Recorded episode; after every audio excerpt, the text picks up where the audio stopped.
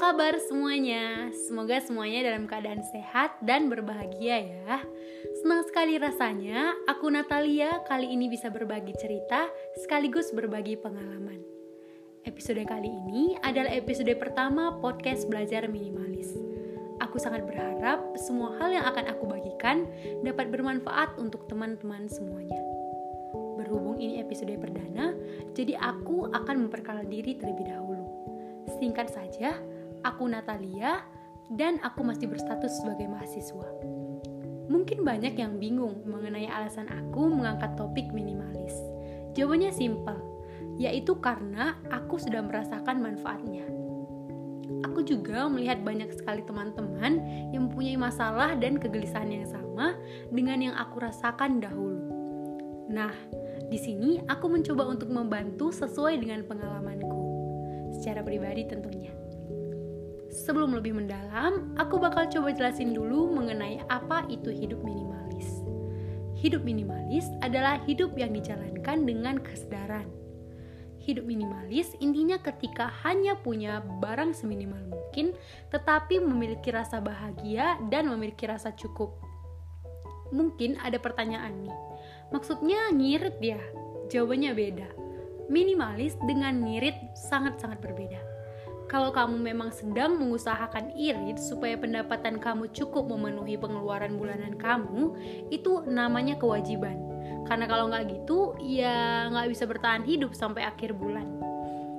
Tetapi kalau kamu punya uang yang lebih, tetapi kamu memilih untuk menahan diri, untuk tidak menggunakannya untuk hal-hal yang sebenarnya tidak kamu butuhkan, itu baru namanya minimalis. Jadi gitu konsepnya ya. Mungkin ada banyak pertanyaan lagi nih.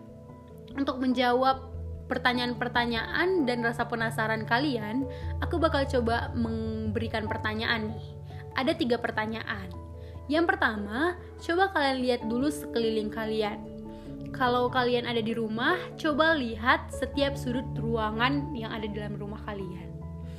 Ada berapa banyak barang yang jarang sekali kalian gunakan? atau bahkan belum pernah kalian gunakan sama sekali. Kedua, coba kalian ingat-ingat dulu nih, seberapa sering kalian beli suatu barang dengan alasan barangnya lucu atau kalian pengen. Tapi setelah kalian beli dan pulang ke rumah, kalian malah nyesal karena udah beli barang tersebut. Terakhir, ini pertanyaan yang lumayan sulit ya. Apakah alasan kalian untuk mempertahankan setiap barang yang kalian punya itu karena emang butuh atau karena sayang aja gitu untuk dibuang? Atau kalian cuma mempertahankan karena udah terlanjur beli aja? Nah, kalau sudah menjawab, kita mungkin mulai menyadari kalau selama ini kita sering terjebak oleh nafsu sesaat. Atau kita tim yang belum bisa mengendalikan diri dan masih mudah terpengaruh di lingkungan kita. Kalau ya, berarti kita punya masalah yang sama. Sama-sama belum bisa nahan diri dan masih menggantungkan kebahagiaan di suatu barang. Jujur ya, mungkin ada banyak banget nih orang-orang yang memang menggantungkan kebahagiaannya di suatu barang atau di diri seseorang. Dan ternyata semakin banyak juga barang yang kita punya nih ya. Semakin banyak barang yang kita beli kita koleksi ternyata nggak mempengaruhi sama sekali sama tingkat kebahagiaan kita.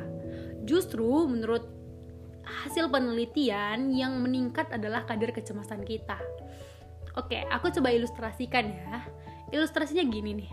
Ketika kamu punya 10 sepatu, berarti kamu harus merawat dan memikirkan 10 sepatu tersebut. Tapi bayangin nih, ketika kamu cuma punya dua sepatu saja pasti kan lebih gampang ya, lebih simpel juga, lebih sederhana juga. Kamu juga nggak perlu ribet dalam hal milih-milih perawatan, milih-milih ketika kamu mau bepergian, mau pakai yang mana.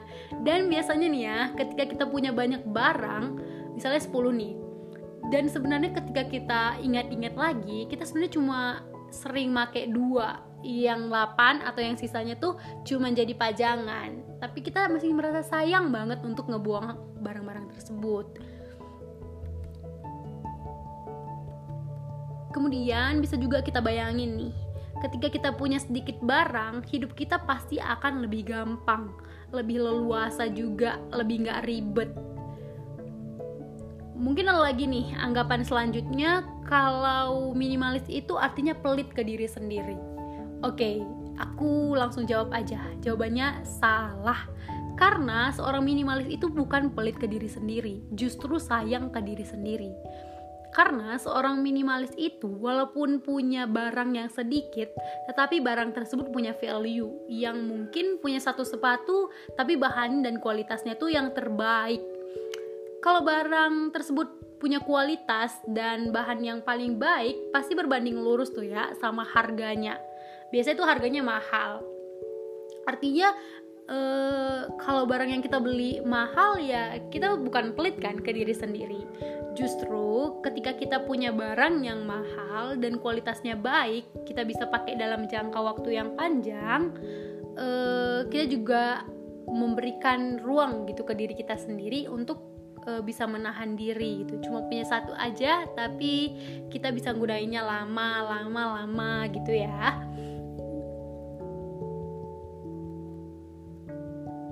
Nah kira-kira gitu tuh ilustrasinya. Tadi aku agak diam sedikit supaya teman-teman bisa membayangkan dulu apakah benar ya? Apa apa saja yang aku katakan tadi ya? Menurut ilustrasi tersebut kita bisa juga lihat uh, dari konten Bang Raditya Dika nih di mana uh, dia sering membagikan konten-konten minimalis di channel YouTube-nya atau di podcastnya juga. Jadi uh, salah satu kontennya itu menjelaskan bahwa Bang Raditya Dika ini punya uh, beberapa jam tangan mewah. Dia seorang kolektor jam tangan jam tangan mewah. Tapi ketika dia memilih untuk hidup minimalis dia uh, menjual jam-jam tangan mewahnya tersebut dan kemudian membelikan satu jam tangan mewah sebagai penggantinya. Kan artinya dia nggak pelit kan ke diri sendiri. Dan jam tangan yang dia beli itu merupakan jam tangan yang sangat mahal dan tentunya bisa dipastikan bisa bertahan dengan lama ya. Kemungkinan juga dia mengatakan jam tangan tersebut bisa digunakan seumur hidupnya. Jadi nggak ada tuh istilah pelit ke diri sendiri, tapi malah sayang ke diri sendiri karena berusaha buat hidup yang kita punya itu jadi lebih sederhana dan lebih menyenangkan. Dia juga jadi nggak ribet milih jam tangan yang bakal dia pakai setiap hari karena ya emang punya satu aja gitu. Tapi balik lagi ya ke pribadi diri sendiri dengan pikiran seperti ini tadi nih, kemungkinan hidup kita jadi lebih sederhana dan tertata. Hal menarik lainnya adalah nggak hanya hidup kita aja nih yang tertata, tapi juga pikiran kita. Minimalis dapat mengubah banyak hal, termasuk pikiran tadi. Mungkin ujung-ujungnya nggak hanya barang yang kita pilih. Maksudnya nggak hanya barang yang kita pilih, tapi pikiran juga kita jadi lebih bisa memilih mana hal-hal yang penting untuk kita pikirkan dan mana hal yang nggak terlalu penting. Hal ini bisa meminimalisir stres dan nggak hanya itu, kita juga bisa merambat ke hal-hal yang lainnya. Misalnya keuangan kita. Keuangan kita bisa jadi lebih tertata karena semua uang keluar yang kita keluarkan itu berdasarkan keperluan kita jadi nggak ada tuh kata-kata di mana kita nyesel beli suatu barang atau kita itu kere di akhir bulan jadi semua dalam hidup kita itu udah kita tata dengan sedemikian rupa gitu juga dalam hal pergaulan kita jadi bisa untuk memilih teman yang baik untuk perkembangan diri kita sendiri dan bisa menghindari circle-circle yang sekiranya toksik untuk kita. Jadi semuanya terukur dan tertata dengan baik. Menurut buku juga di buku Seni untuk Hidup Minimalis, kalau kita baca dari awal hingga akhir, dia menjelaskan begitu banyak manfaat yang dapat kita rasakan dari mencoba hidup minimalis ini. Katanya juga, dengan adanya space kosong atau ruang kosong dalam ruangan tempat tinggal kita, akan membuat kebahagiaan juga dan menciptakan ketenangan juga nih bagi diri kita sendiri. Coba bayangin aja dulu, ruangan tempat kita tinggal punya space lagi. Pasti terasa lebih lenggang dan kita punya kebebasan juga gak sih? Istilahnya ya nggak sumpek gitu ruangannya. Bayangin juga, hmm, ketika kalian pulang ke rumah, udah sumpah di kantor, pikiran mumet, pengen tenang, tapi malah lihat ruangan yang kita tinggal itu sumpah penuh barang dan berantakan. Pasti buat mood jadi berantakan gak sih? Tapi bayangin ya, ketika kamu pulang, lihat barang-barang yang tertata rapi dan masih ada space kosong di ruangan tersebut. Pasti terasa lebih damai dan membuat kita jadi lebih betah tinggal di rumah. Emang bisa ya? Jawabannya bisa. Awalnya emang berat untuk melepas barang-barang yang kita punya. Walaupun barang-barang itu nggak pernah kita gunakan sama sekali. Apalagi barangnya punya kenangan, hmm, pasti lebih sulit. Tapi ya kita coba dulu pasti ketika kita udah tahu nih apa yang kita rasakan setelah melepas barang tersebut, kita bakal ketagihan. Coba dulu dari yang paling awal. Pilih-pilih lagi mana barang yang sebenarnya nggak butuh dan disimpan cuma karena sayang aja gitu dibuang. Coba ikhlaskan dan bebaskan rasa ketakutan untuk melepaskan barang tersebut. Dan coba uh, hal ini tuh secara berkala. Jadi ketika satu kali kita nggak bisa kita coba lagi coba lagi sampai emang kita bisa ikhlas gitu dan menemukan kebebasan. Kalau barang ini tuh nggak kita butuhkan gitu kita bisa melepas barang ini kita nggak bakal keganggu kalau barang ini tuh nggak ada gitu istilahnya jadi kita nggak lagi tuh dipengaruhi sama satu barang dan bisa benar-benar bisa punya sesuatu barang bukan karena pengen, tapi emang kita butuh barang itu gitu. Dengan kayak gini, kita bakal lebih bersyukur. Benar-benar bersyukur. Karena sudah tahu tuh arti kata cukup. Karena orang yang gak bersyukur itu orang yang benar-benar gak kenal kata cukup. Jadi seberapa banyak pun hal yang datang ke dia, seberapa banyak pun hal yang dia punya, tapi kalau dia gak punya kata cukup dalam dirinya sendiri, pasti dia gak bakal pernah mengucapkan kata syukur. Kita nggak mudah lagi terpengaruh nih.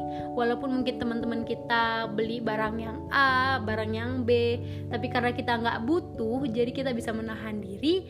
Karena yang kita bisa karena yang kita bisa lakukan itu adalah memberi batasan ke diri kita sendiri. Dan memberi batasan itu bisa kita lakukan hanya di diri kita sendiri. Hanya diri kita sendiri yang bisa membatasi. Nggak bisa orang lain nggak bisa orang tua nggak bisa saudara nggak bisa sahabat kita. Karena yang membatasi diri kita apa pun yang menyangkut diri kita sendiri itu adalah berkaitan dengan diri kita. Nggak bisa diganggu oleh lingkungan dan lain-lain soal model dan tren ya akan terus ada gitu. Kalau kita mau ikut ya mungkin nggak ada habisnya. Yang ada malah bisa stres. Kalau kita nemu satu titik nih kita nggak bisa untuk beli barang yang kita pengen.